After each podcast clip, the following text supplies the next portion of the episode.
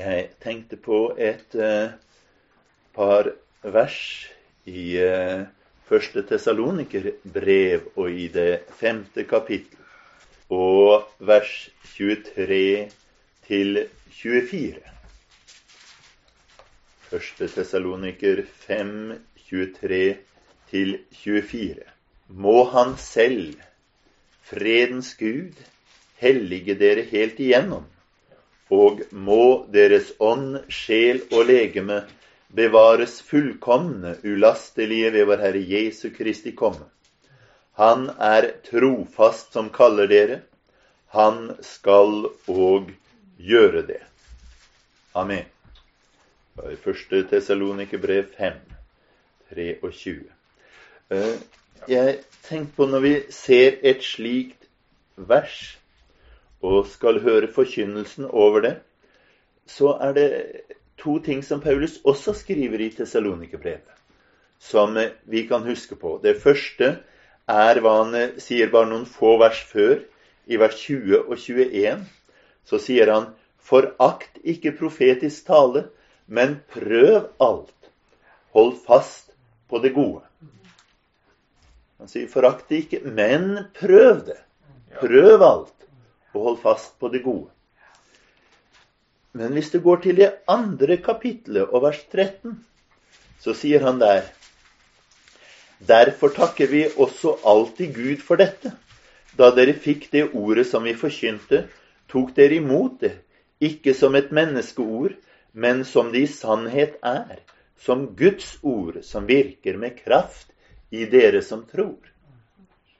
Så først så leste jeg at Prøv alt og hold fast på det gode. Og her sier han dere tok ikke imot som menneskeord, men som Guds ord. Så hva skal dere gjøre med det jeg forkynner i dag? Skal dere prøve det å ta fast på det gode, eller skal du ta imot det som Guds ord? Og eh, det kommer jo litt an på. Hvis det jeg sier, er menneskeord, menneskelige anbefalinger, ting som kommer fra meg, så prøv det. Og se om det er godt, det jeg sier. Og hold fast på det gode. Men hvis det jeg kommer med, er noe som kommer direkte fra Gud, så husk på at det er et Guds ord. Og det skal man ta vare på absolutt. Og hva kommer jeg så til å forkynne? Jo, jeg kommer til å forkynne begge deler. For slik er det alltid med oss. Oss mennesker når vi sier noe, så sier vi begge deler. Forhåpentligvis, i hvert fall. Jeg har lest Guds ord.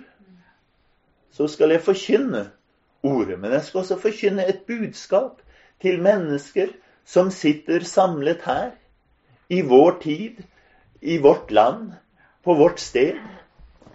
Så det som forkynnes, det er alltid noe som eh, kommer fra Gud, men som blir formidlet gjennom mennesker til mennesker. Det er noe som skal inn i din hverdag. Og din hverdag, den er særdeles menneskelig. Så når vi leser Guds ord Det er alltid slik når du leser Guds ord, så er det ikke bare Guds ord, men du får tanker forbundet med det ordet, som kan fortelle deg noe om hva betyr dette for meg. Guds ord, det er absolutt sant. Dine tanker kan være feil. Guds ord er absolutt sant. Mine tanker om det kan være feil. Men det er veldig viktig at er det noe du forkaster, sørg for at det er mine ord og ikke Guds ord. Og er det noe du absolutt tar imot, la det være Guds ord. Så nå leste vi om noe som kalles helliggjørelse hellige dere helt igjennom. Og det er det noen som straks nikker og sier ja, det, det burde vi ha mer av. Og så er det noen som straks tenker at å, skal han snakke om det der nå igjen? Men det er viktig. Om man blir sint, Bli gjerne sint på meg. Om jeg sier noe som ikke stemmer.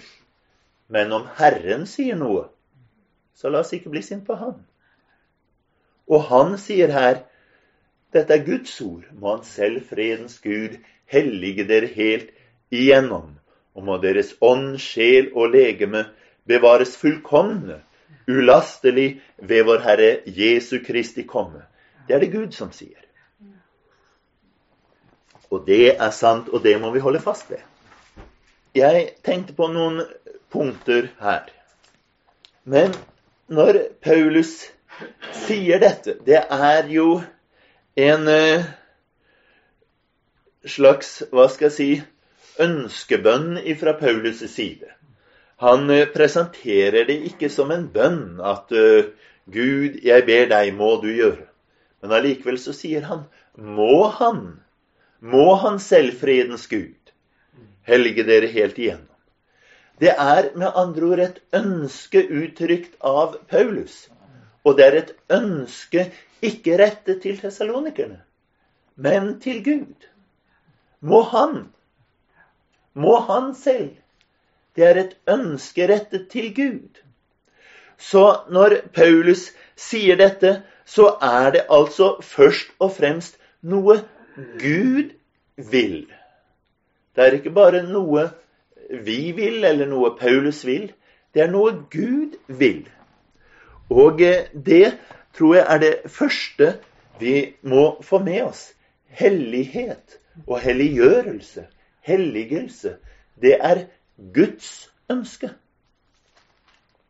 Hvis vi ser i det samme første Tessalonikerbrev og i kapittel 4 og i vers 3, så sier han der for dette er Guds vilje, deres helliggjørelse. Og så fortsetter han å, å, fortelle hva det er han snakker om. Men det som han fortsetter med, det er noe som han sier det er Guds vilje og deres helliggjørelse. Så fra ett punkt sett så er det Guds vilje, men fra et annet punkt sett så er det vår helliggjørelse. Men det er én ting han snakker om. Så med andre ord vår helliggjørelse, det er Guds vilje.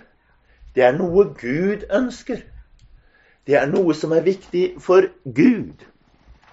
Og hvis vi ser på et vers i 1. Peters brev, i det første kapittel, og der i vers 15 og 16, så står det der Men vær etter den hellige som kalte dere, også dere hellige i all deres ferd.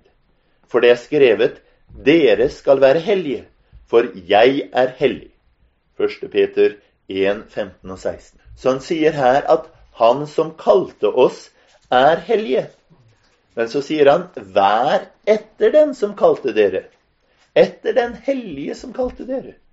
Også dere hellige i all deres ferd. Med andre ord, han sier det er én som kalte oss, og som sier 'Kom her, følg meg'. Det sa Jesus til disiplene. Det kallet lyder også til oss. Følg meg. Og hvem følger vi? Jo, vi følger Han som er hellig. Og derfor sier han, vær dere etter den hellige som kalte dere, også dere hellige i all deres ferd. Etter den hellige som kalte dere. Så vi skal ha en helliggjørelse, og denne helliggjørelsen er Guds helliggjørelse. Og det er et viktig poeng. Helliggjørelse er ikke noe som mennesker har funnet på, det er noe som Gud har funnet på. Så kan du si ja, men hvis noen sier at det skal være sånn og det skal være slik, og du skal ha på deg de klærne og, og det, det, snittet og den typen og den fargen, er det Gud som har sagt det? Vel, vi må skille mellom hva som ofte blir presentert som helliggjørelse, og hva som er Guds helliggjørelse. Her sier han, vær etter den hellige som kalte dere, også dere hellige i all deres ferd. Med andre ord, når jeg skal avgjøre om jeg vil ha helliggjørelse eller ikke, så skal jeg ikke se på hva den ene eller den andre har kalt for helliggjørelse.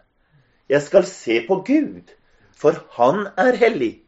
Og så sier han, vær etter ham hellig i all deres ferd.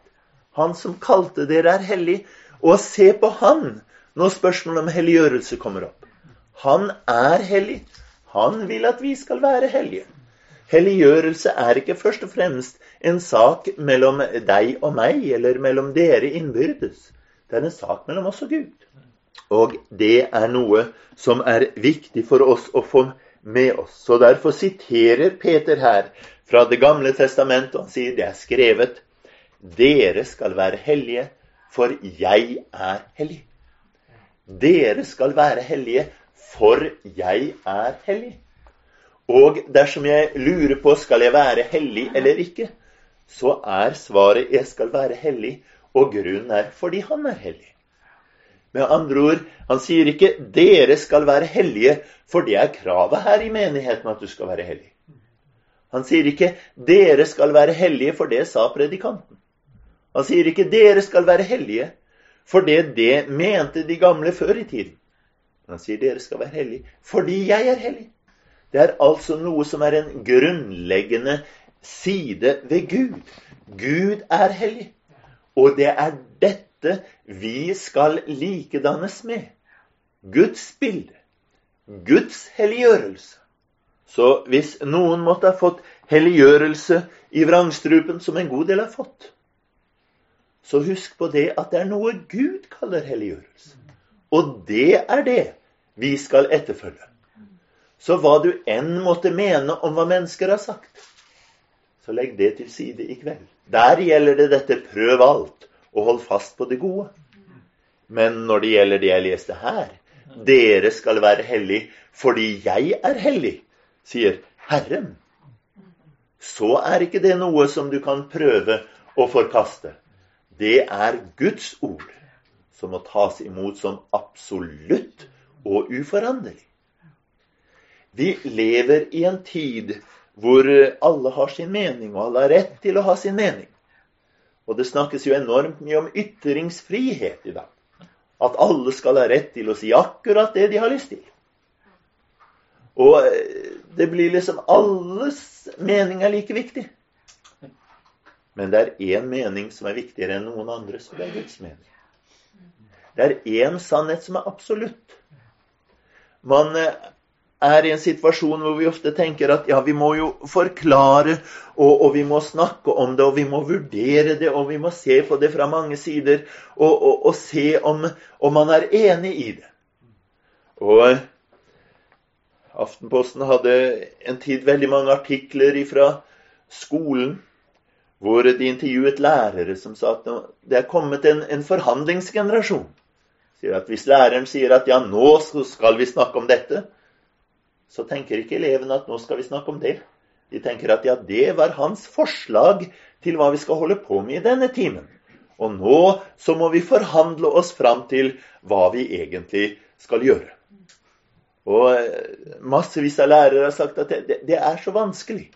For ingenting av det man sier, blir sett på som absolutt. Alt skal forhandles om. Det er ikke lenger at sånn er det. Men når det gjelder Gud, så er det et sånn er det. Sånn er det. Det er absolutt. Det er noe Gud sier, og det er sant. Vær gjerne uenig med meg og alle andre om du vil det, men vær enig med Gud. Det Gud sier, er sant. Det Gud sier, er absolutt. Og når Gud sier 'dere skal være hellige, for jeg er hellig', så er det to sannheter der. Det ene er at Gud er hellig. Han er helt spesiell. Han er noe som ingen andre er. Han er hellig. Og så er det en sannhet nummer to. Vi skal feste blikket på Han og bli som Han. Vi skal gå dit Han er. Han går på hellighetsvei, og den veien skal vi også gå på. Vær etter den hellige som kalte dere, også dere hellige i all deres ferd. Men hvis vi går litt tilbake til første Tessalonikerbrev, i kapittel 5, vers 23, der vi var, så sier han altså selv Må han selv, fredens Gud, hellige dere helt igjen. Han retter sin, sitt ønske og sin forventning til Gud. Han sier ikke her Eh, måtte dere få synet for helliggjørelse. Han retter sitt ønske til Gud. Må han selv, fredens Gud, Hellige dere helt igjennom. Og hvordan omtaler han Gud? Han sier fredens Gud. Han er det som han ønsker skal hellige oss helt igjennom. Og eh, med andre ord det er ikke krigens gud som skal hellige oss, men det er fredens gud. Det er ikke kampens gud, om du vil. Det er ikke kritikkens gud. Men han sier må han selv fredens gud. Hellige dere helt igjennom. Og når Paulus skulle vende blikket deres mot helliggjørelse, når Paulus vendte sitt eget blikk mot helliggjørelse, så ser han ikke på en krigsgud, men på fredens gud. Han ser ikke på hva skal jeg si, en farlig, slem gud som er ute etter å ta oss, og du bør helst være hellig, for ellers så det, er på en måte ikke den eh, tilnærmingen han tar. Han sier må han selv fredens gud. En gud som er fred. En gud som ønsker oss fred. Og hva er fred? Vi har ofte et altfor dårlig bilde av fred. Fred er for det første Fred er ikke bare fravær av krig. Det er ikke slik at ja, det har ikke falt noen bombe i dag, så da er det fred. Vel, hvis det falt en bombe i går, og hvis det kommer en i morgen, så er det ikke fred. Da er man i krig. Det er bare et lite opphør, en slags krigstilstand. Men fred, det er noe mer. Fred er når krigen ikke er der. Og ikke bare at den ikke er der. Men du kan si i Norge så kom det en dag i 1945 hvor de sier nå er freden kommet. Ja. Men det har vært fred siden. Og det har skjedd noe i løpet av de årene. I løpet av krigsårene gikk det nedover. I løpet av fredsårene har det gått oppover. I løpet av krigsårene ble man fattigere og fattigere. Men i løpet av fredsårene så har man blitt rikere og rikere. Hvorfor det? Jo, nå kan man konsentrere seg om andre ting enn krig. Så fred, når Bibelen taler om fred, og når de sa 'fred være med deg', så betyr det ikke bare 'jeg håper at det ikke blir krig i dag'. Det betyr ikke bare at 'jeg håper at krigen er slutt', men det betyr at 'jeg håper du har fremgang'. Jeg håper du har overflod. Jeg håper du kommer deg bort ifra rasjoneringskorten, for å si det sånn. For de sluttet ikke det øyeblikk krigen var over. De varte i mange år etterpå. Men når freden virkelig er der, så er det en overflodstid. Og det hebraiske ordet fred, shalom, det betyr noe mer enn bare det, det som har med krig å gjøre. Det betyr en overflodssituasjon. Det betyr at du har det godt. Det betyr at du er velsignet. Og når han sier her at må han selv fredens Gud hellige dere helt igjennom, så snakker han om en Gud som har overflod. En Gud som er full av velsignelse. En Gud som er i en situasjon Han har ikke behov for noe. Han trenger ikke hjelp til noe. Det er en Gud som har overflod. Og han sier det er denne Gud som han henvender seg til.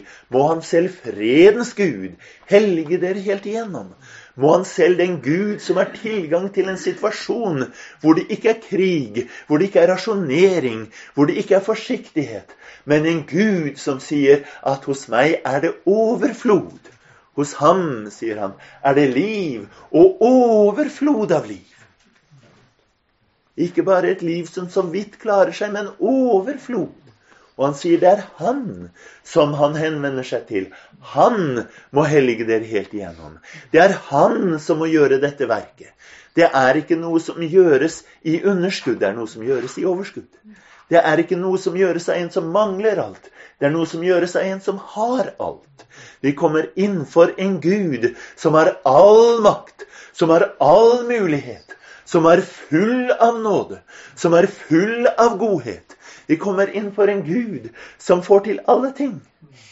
Vi er innenfor en Gud som sier som så at 'Jeg trenger ingenting av hva du har å gi'.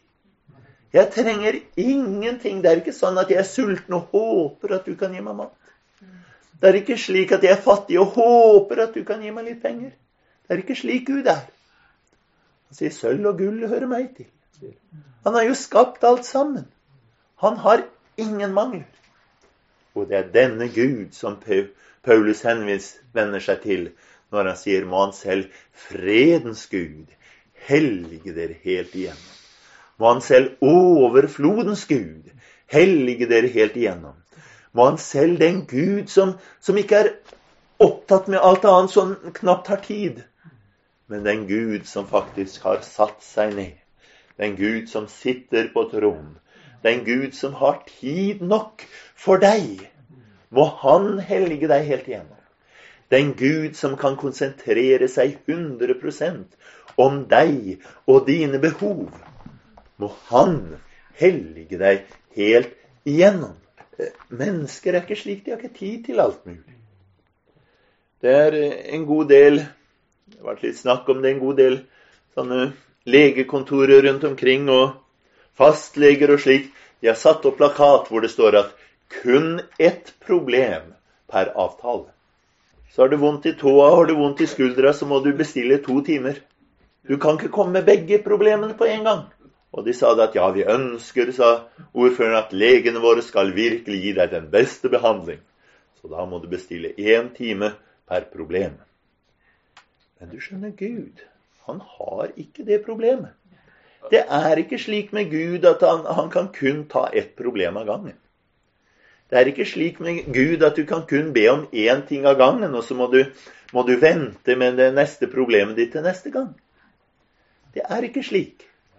Det er en Gud som har overflod. Det er fredens Gud. Det er ikke en stressa Gud som sier at avtaleboka mi er, er, egentlig helt full. Hvis det er helt nødvendig, så kan jeg ta deg i fem minutter mellom Hansen og Olsen. Men det er ikke en slik Gud. Det er en Gud som har overflod. Det er fredens Gud. Han har satt seg ned.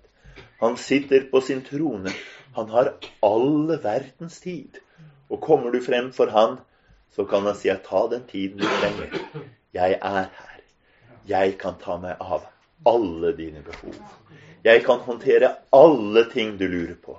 Jeg kan ta meg av alt som er vanskelig i ditt liv. Har du har du problemer med det ene eller det andre, kom med det. Jeg kan ta meg av det. Har du mange problemer, bare kom med dem. Jeg kan ta meg av alle sammen. Jeg har satt meg på min trone. Jeg har all verdens tid. Jeg har all verdens muligheter. Og her er det ingen slutt på hva jeg har tilgjengelig. Hva du enn har behov, jeg kan fylle dem alle sammen. Der hvor synden ble stor, står det, så ble nåden enda større. Det står ikke for å fortelle at man bare kan synde, men det står der for å fortelle at har du en synd, og du ønsker å bli kvitt den, så kom til Jesus med den. For når du kommer til ham, så sier han at 'jeg har nåde'. Jeg har nåde nok til å dekke den synden og til å gi deg overflod for nåden er ikke bare for å dekke synd. Paulus sier at ved Hans nåde er jeg den jeg er. Og sier han, den har ikke vært forgjeves. For jeg arbeidet mer enn de alle, dog ikke jeg, men Guds nåde som er med meg. Med andre ord, han sa at synden dekket det jeg var skyldig. Han betalte gjelda mi.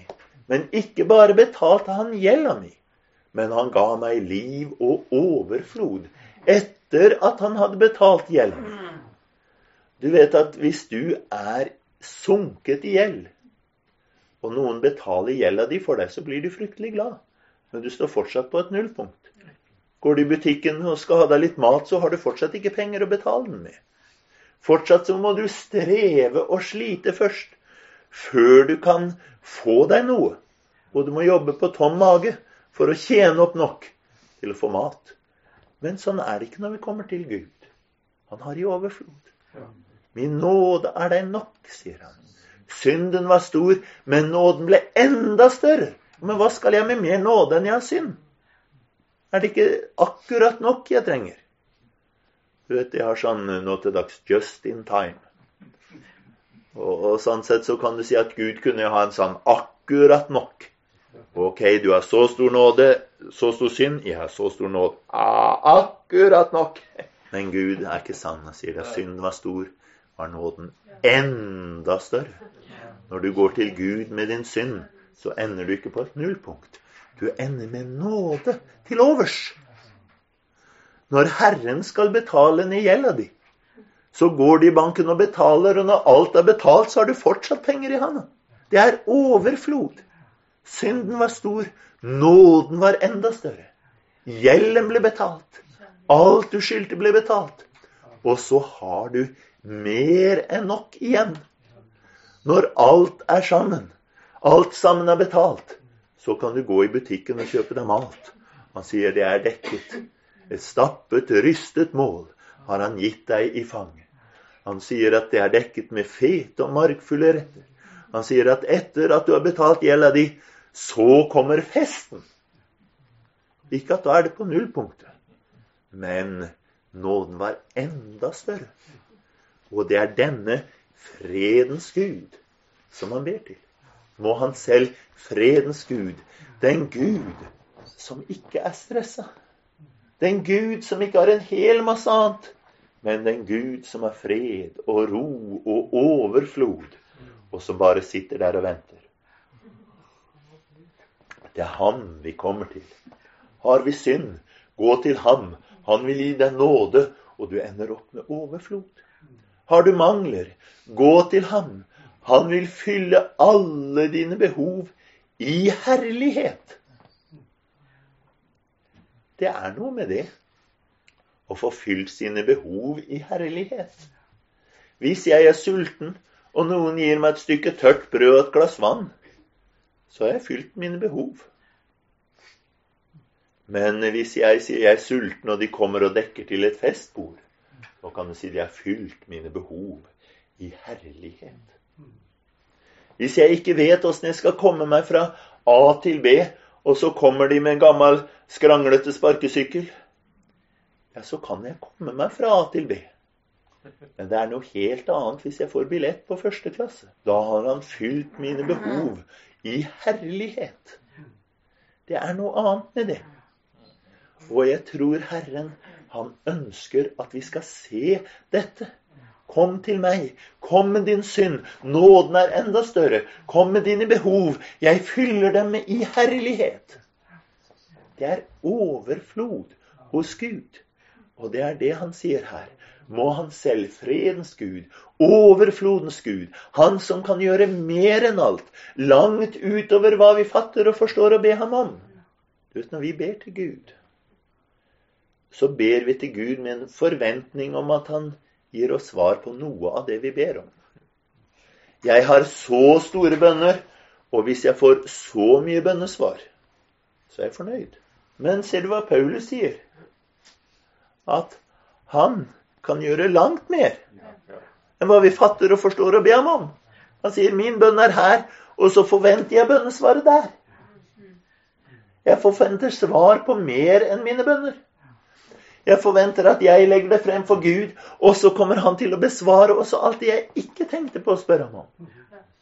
Det som eh, faktisk ikke eh, kom for meg, det vil han svare på. Det er det Paulus sier. Når jeg lever i bønn til Gud, sier han på en måte, så er det ikke bare at jeg ber i håp om at Gud skal besvare noen av mine bønner.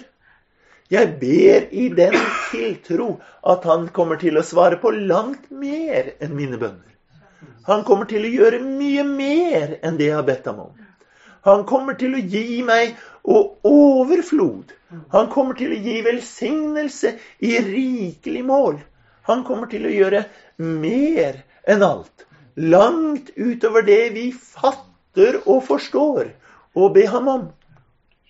Vi har ofte en Gud som er mindre enn våre bønner. Paulus hadde en Gud som var større enn sine bønner. Og det er dit vi må komme, at vår Gud er større enn våre bønner. Hva betyr det at han er større enn våre bønner? Jo, jeg tror det betyr blant annet dette at vi har tillit, trygghet, visshet. Han kommer til å ta seg av meg. Ja, husket du å be om det? Og hvis ikke du husket å be om det, da Nei. Paulus var ikke sånn. Ikke det at han ikke ba, han ba. Til stadig så forteller han om at han ba. Men han gikk ikke rundt og var nervøs. 'Å nei, det glemte jeg å be om.' Uff. Han hadde en gud som svarte på mer enn hans bønner. Han har en gud som han kunne stole på. At det jeg har glemt å be om, det hører han allikevel. Han hadde en Jesus som han kunne si at han lever for å gå i forbønn for oss. Han husker på det vi ikke husker på. Det er en gud. Bønn er ikke Du vet det var Richard Roberts som sa det i Sarons dal, at vi må slutte å behandle Gud annerledes enn en brusautomat. Brusautomat, du legger på en penge, du får ut en brus. Slik er det, sann Du legger på en bønn, du får ut et bønnesvar. Gud er ingen automat. Så jeg ville ikke likt å bli behandla som en automat. Ville du likt å bli behandla som en automat? Ingen som liker å bli behandla som en automat. Gud er ingen automat, men han er en som søker samfunn med oss. Han er en som ønsker fellesskap med oss. Og han er ikke en som sitter der med et sånn detaljregnskap og sier ja, du har bedt om det, og du har bedt om det, og du har bedt om det, men det glemte du å be om, så uh, uh, uh, det får du ikke, nei. Langt mer enn hva vi fatter og forstår og ber ham om. Bønn er noe helt annet enn en, bare en ren oppremsing av alle mine behov. Bønn er når jeg kommer frem for Gud med hele mitt liv. Jeg legger det i hans hender. Det jeg husker på å be om, det ber jeg om. Det jeg tenker på, det ber jeg om. Det jeg vet om, det ber jeg om. Men hvor ofte har du ikke hatt mest problemer med det du ikke visste om? Det du vet om, det har du jo forberedt deg på. De regningene du vet kommer, de har du forberedt deg på. De problemene du vet kommer, det har du forberedt deg på. Den motstanden du vet kommer, den har du forberedt deg på. Så der ber du om noe hvor du sjøl er forberedt. Men hva med det hvor du ikke er forberedt? Du visste ikke om det. Du tenkte ikke på det. Det har du ikke bedt om men han besvarer langt utover hva vi fatter og forstår og ber ham om. Der vi ikke fatter lenger, der vi ikke forstår lenger, der det ikke ligger mulig for oss å vite om. Der er det Herren kommer med herlige bønnesvar. Og har du opplevd det gjennom livet? At ting du ikke tenkte på, ting du ikke visste om, ting du ikke har bedt om, så har det allikevel kommet med en overflod av velsignelse, hvor du bare må si at 'dette har Herren gjort'. Av Herren er dette gjort, og det er underfullt i våre øyne. Herren er ikke ute etter et folk som ber om alle detaljer. Herren er ute etter et folk som kommer sammen med ham og stoler på at han kan gjøre mer enn alt. Langt utover hva jeg fatter og forstår og ber ham om. Det er denne Gud vi må henvende oss til. Og det er denne Gud Paulus henvender seg til. Må han selv fredens Gud, og jeg tror det er nettopp det han mener, må han selv overflodens Gud. Må han selv en Gud som ikke har problemer med noe, men som har satt deg der og lent seg godt tilbake i stolen sin. I overflod. Som vet at penger Nei, det trenger jeg. Rikdom, det trenger jeg ikke. Hjelp, det trenger jeg ikke. Jeg har alt. Jeg har mer enn nok. Og når vi kommer til ham, så er det en som sitter der og som vet jeg har mer enn nok. Hvor ofte har ikke du sagt til noen som har kommet til deg at ja, jeg skulle gjerne hjulpet deg, men Men jeg har ikke tid. Men jeg har ikke mulighet. Men jeg vet ikke hvordan jeg skulle gjøre dette. Men dette er utenfor min kompetanseområde. Gud sier aldri det. Ja, jeg skulle gjerne svart på bønnen din, men Beklager, jeg har ikke makt nok. Jeg er ikke sterk nok. Jeg er ikke mektig nok. Og, og jeg har kanskje ikke tid. Nei. En overflod. Og når Paulus her sier må han selv, fredens Gud, så er det med en visshet om at her er det en som har alle muligheter. Her er det en som kan gjøre mer enn alt. Og det er han jeg kommer til. Dette som Paulus fremhever her, må Han selv, fredens Gud, hellige dere helt igjennom. Det er noe som, som kan høres frastøtende ut for de som ønsker å leve for seg selv og si at 'jeg vil bestemme alt'. Men hvis jeg har den holdningen at du, Gud, han er ikke en slem fyr som sitter der oppe og innbiller seg at han skal bestemme over meg. Men han er en som jeg har satt all min lit til. Han er en jeg er i fellesskap med. Han er en som betyr mer enn alt for meg. Han er mitt alt. Han er alt som betyr noe for meg. Da er det denne bønnen begynner å, å være meningsfull. Da er det at dette ønsket begynner å få betydning for oss. Må Han selv, fredens Gud, hellige dere helt igjennom. Bare hør på ordlyden. Må Han selv, han sjøl, må Han selv gjøre det. Det er et personlig forhold, det. Er noe du, du, sier når det er noen du, du, kjenner godt, noen du vet hva kan gjøre, noen du har et godt forhold til. Må han selv, fredens Gud, han presenterer en han vet om. Han presenterer en han har fellesskap med. Han presenterer en han har et nært og inderlig forhold til. Han selv. Han skal gjøre det. Han selv. Fredens Gud. Det er en han har et nært forhold til. Det er en han har et inderlig forhold til. Det er en som han helt og fullt stoler på. Og det er denne han henvender seg til, hvor han sier, må han selv, fredens Gud, hellige dere helt igjen.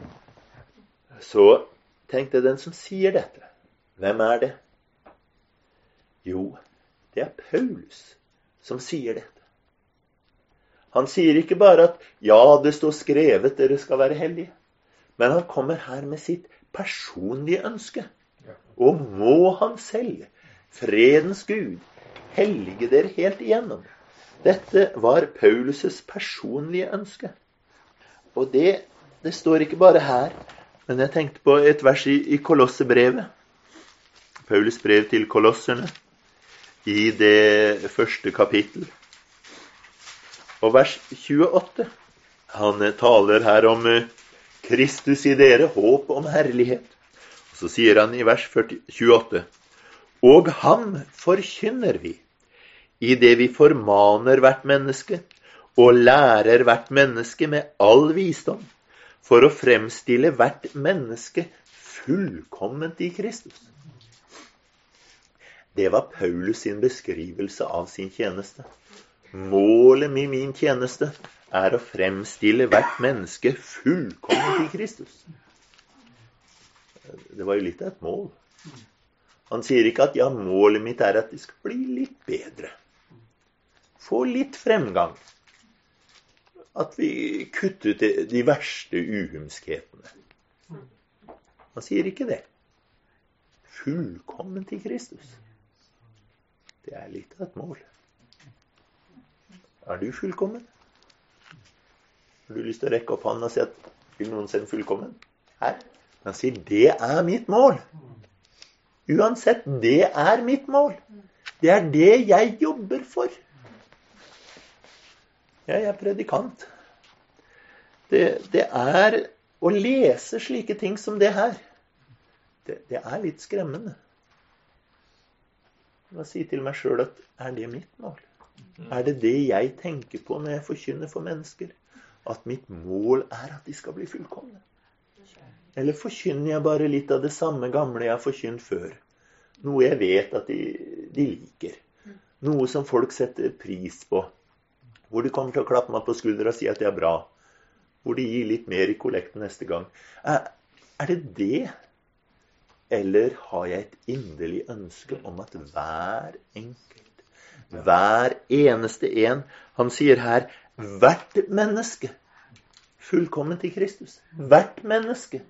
Hver eneste en. La blikket gli over hele forsamlingen, sier Paulus. Hver eneste en uten unntak er det mitt mål å fremstille fullkomment i Kristus Jesus. Og han sier ham forkynner vi i det vi formaner hvert menneske og lærer hvert menneske med all visdom. Med all visdom. Han sier 'jeg lærer hvert menneske med all visdom'. Prøver han å fortelle oss at han er, er glup, skjønner du? Er det det han prøver å si? Jeg tror ikke det er det som er poenget hans. Jeg tror ikke han prøver å si at jeg lærer hvert menneske takket være at jeg har en glitrende intelligens. Jeg tror ikke det er det han prøver å si. Men det han prøver å si, er at jeg legger vekt på dette jeg ikke bare har funnet fram læren, men jeg forsøker å finne ut hvordan skal jeg forkynne læren, slik at folket forstår det. Det var visstnok Martin Luther som i sin tid sa som så at når jeg går opp på talerstolen så han skal forkynne, så ser jeg over forsamlingen, og så ser jeg meg ut den enkleste tjenestepike jeg kan finne som sitter der, og så forkynner jeg for henne. Hvis hun skjønner meg, så skjønner de andre meg også. Han sa ikke at ja, ja, de der skjønner ingenting. Men jeg forkynner for de der som Han var jo doktor til all. ikke sant? Han kunne alltids plukke Men han sier jeg ser etter de enkleste. Jeg ser etter den som har størst problemer med å forstå meg. Og den som har de aller største problemene. Han forkynner jeg for. Hun forkynner jeg for. Jeg ønsker å legge det så klart frem. Det var det Luther sa. Og det bør også vi si. Sånn bør også jeg tenke. Finn den i forsamlingen som ser ut som de skjønner ingenting. Og prøv å forkynne for dem til de forstår det. Da kommer nok de andre til å forstå det også. Han sier her på en måte at jeg har ikke bare lagt vekt på å være en teolog. Jeg har lagt vekt på å være en pedagog. Jeg har lagt vekt på at dette skal bli forståelig. Jeg har brukt all min visdom i lærdommen for å fremstille mennesket fullkomment. Og legg merke til, han sier ikke, ikke at 'jeg lærer med all visdom for å fremstille læren fullkomment'. Han sier 'jeg lærer med all visdom for at folket skal bli fullkomment'. Han hadde et mål, et forvandlende mål, med sin tjeneste. For en predikant, for en eldste, for noen med ansvar for en forsamling, så er dette litt av en beskjed. Ikke bare skjønn det, men forklar det så enhver blir forvandlet av det. Men dette var det som brant i Paulus. Han var en som ønsket å se forvandlede mennesker. Så når Paulus sier her 'må han selv, fredens Gud, hellige dere helt igjennom', så var det ikke en tilfeldig ting han sa. Det var noe som brant i hans hjerte hele tiden. Å, om denne forsamlingen blir forvandlet! Og om denne forsamlingen blir helliggjort. Det er mitt mål. Og når han forberedte sine prekener, så var det med det målet. Nå må jeg forkynne, slik at forsamlingen blir forvandlet. Nå må jeg forkynne, slik at de virkelig kjenner at dette, det er sant. Nå må jeg forkynne, slik at de forstår det og griper det og blir forvandlet av det. Det er mitt mål. Det er mitt ønske. Hvert menneske fullkomment. Det var Paulus' ønske. Så når Paulus sier her 'Man selv fredens Gud hellige dere helt igjennom, så var det ikke bare fordi han visste at Gud ønsker at de skal bli helliggjort, men det var fordi han ønsket at de skal bli helliggjort. Og det er et spørsmål som jeg har lyst til at vi skal stille oss her i kveld. Ønsker jeg å bli helliggjort? Har jeg dette brennende, intense ønsket om å bli helliggjort? Er det noe som betyr mer for meg enn alt annet? Det var det Paulus ønsket seg. Var det 'jeg ønsker meg ut av kristendommen'? Ønsker jeg en billett til himmelen, slik at jeg ikke går fortapt når jeg dør? Det var ikke der Paulus sitt ønske lå. Han ønsket å bli hellig. Han ønsket fullkommenhet. Han ønsket jeg må bli forvandlet, slik at jeg blir et annet menneske. Og han sier det ikke at jeg allerede har grepet det, eller allerede er fullkommen. Men ett gjør jeg. Jeg glemmer det som ligger bak, og jeg strekker meg ut etter det som er der foran. Jeg er hele tiden der. Jeg, jeg vil nå det. Jeg vil nå fullkommenheten. Jeg vil nå helligheten. Jeg vil nå dette inderlige gudslivet som gjør at jeg blir slik som Moses var da han hadde vært sammen med Herren. Det bare lyste ut av ham. Man kunne se her er det én som har hatt med Gud å gjøre. Og det er mitt mål. Det er det Paulus sier på mange vis. Det er mitt mål. Å bli helliget, å bli fullkommen, å bli ulastelig. Å komme dit hen at Herren stråler mer og mer og mer gjennom meg. Det er målet mitt. Det er målet mitt. Det var hans inderlige ønske. Er det vårt inderlige ønske? Mine bønner er det først og fremst om praktiske ting som hjelper meg? Eller er det først og fremst om ting som gjør at Herren blir større i meg? Jeg kjøpte akkurat en bok. Det hender nå og da at jeg gjør sånt. Og den boken, den het uh, Å be baklengs. Det vil si den var på engelsk, da. 'Praying backwards'. Men eh, grunnen til at jeg kjøpte Jeg har ikke lest boken ennå. Sikkert en fin bok. Men eh, grunnen til at jeg kjøpte den, det var et poeng som han gjorde, og som han og som jeg også selv har forkynt. Du vet, Ingenting er som en bok som sier det samme som det du selv mener. Men denne Det han var ute etter når han sier 'å be baklengs', det er som han kommenterte Veldig ofte så ber vi på følgende vis. Kjære Gud, bla, bla, bla, bla, bla, bla, bla, bla, I Jesu navn. Amen. Og der slutter bønnen. Og første kapittel han hadde i boken sin, var i Jesu navn. Amen. Og så hadde han satt kryss over Amen, og så står det Jesu navn. Begynn. Det var det han mente med å be baklengs. Vi har en tendens til å komme med alle våre ønsker, alle våre meninger, alt hva vi vil ha. I Jesu navn. Amen. Men sier han det bør begynne motsatt. Å be i Jesu navn er ikke at jeg sier alt hva jeg vil, og så avslutter jeg med 'i Jesu navn'. Å be i Jesu navn er det stikk motsatt. Det er å plassere ham først. Å begynne med dette og sørge for at jeg er i Jesu navn når jeg ber. Og hvis jeg ber i Jesu navn, hva er det? Vel, hvis jeg ber i ditt navn, hva er det? Da ber jeg jo på dine vegne.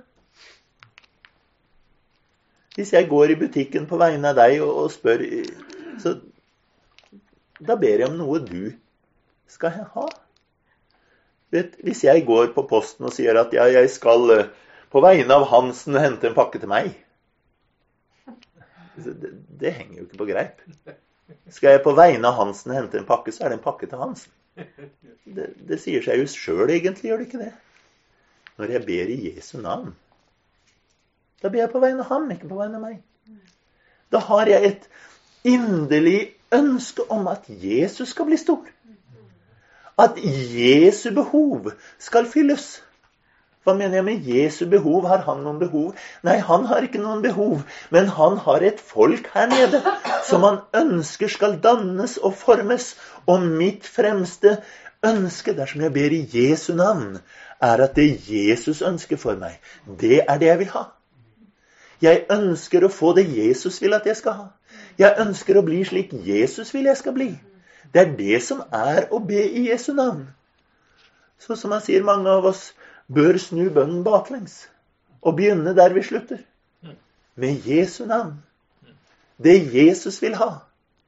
Og la bønnen bli formet etter dette. Paulus hadde et inderlig ønske om helliggjørelse. Det var hans første bønn. Det er Jeg har nevnt det ofte før, men det, det er en aktivitet jeg ville anbefale. Å gå gjennom Paulus' brever. Lese hans bønner og begynn å be dem. Begynn å be dem. Se hva han ber for når det gjelder menigheten. Hva er det vi ber for? Når vi kommer på møtene, hva er det vi ber for? Jo, kjære Gud, se til Hansen som er syk.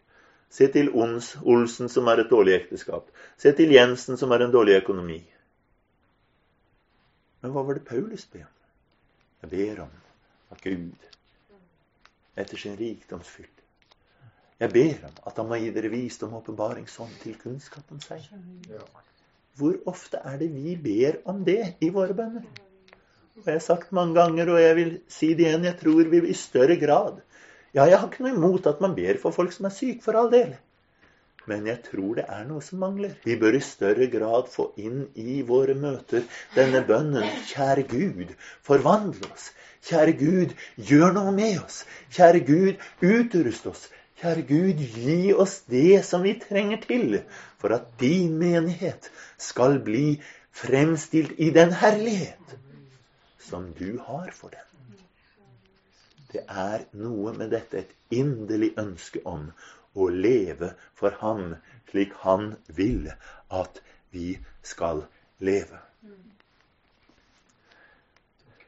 Spurgeon ble en gang spurt at kunne du tenke deg å ha noen til å preke i din forsamling. Så sa han ja, det kan jeg godt ha. Men jeg lar ingen be i min forsamling. Han når han hadde møter, så var det tre punkter på programmet. Det ene var at han forkynte. Men før han forkynte, så hadde han også lest fra Skriften og lagt ut om den. Men før han gjorde det, så sto han fram og ba. Det var et fast poengpunkt i hvert møte. Han ba. Og han sa gang på gang 'Jeg kan gjerne få noen andre til å forkynne for meg, men jeg, får ingen, jeg lar ingen andre be for meg'. Hvorfor? fordi han ønsket å være sikker på at bønnen kom fram, ikke var en sånn bønn for all verdens unødvendige ting, men en bønn for det som virkelig betydde noe. At bønnen som kom fram, var for Guds ønsker for menigheten. Og det er noe med dette. La oss få dette inderlige ønsket som vi ser Paulus her har, må han selv, fredens Gud, hellige dere helt igjennom. Må det være slik vi tenker i våre private bønner. Må det være slik vi tenker i våre felles bønner. Å Gud, må du hellige oss helt igjennom. Gud, må du forvandle oss helt. Gud, må du se til hver ting i våre liv som fortsatt trengs å gjøres noe med. At det blir gjort noe med det. Gud, det er mitt største behov. Det er mitt største ønske. Det er det som betyr noe for meg. Og jeg vet at hos deg er det muligheter. Du har mer enn nok. Du kan gjøre mer enn alt. Langt utover hva jeg fatter og forstår og be deg om. Du er herlighetens Gud. Du er herlighetens far. Du er fredens Gud. Du er den som har satt deg på tronen over enhver makt og myndighet, herredømme og velde. Du er den som kan gjøre dette. Gud, la det skje. La det skje. Jeg tror vi skal stoppe der. Men må det trenge inn i oss. På samme måte som Paulus, etter å ha skrevet ferdig brevet, for å si det sånn, så avslutter han med dette inderlige ønsket til denne menigheten han selv har startet, en pionermenighet. Så sier han her må han hellige dere helt igjennom. Det var det jeg var ute etter med min forkynnelse. Å fremstille dere fullkomne i Jesus Kristus. Men nå ber jeg, må Herren fullføre det jeg forsøkte å begynne. Å gjøre dere fullkommen helliget i Kristus Jesus. Amen.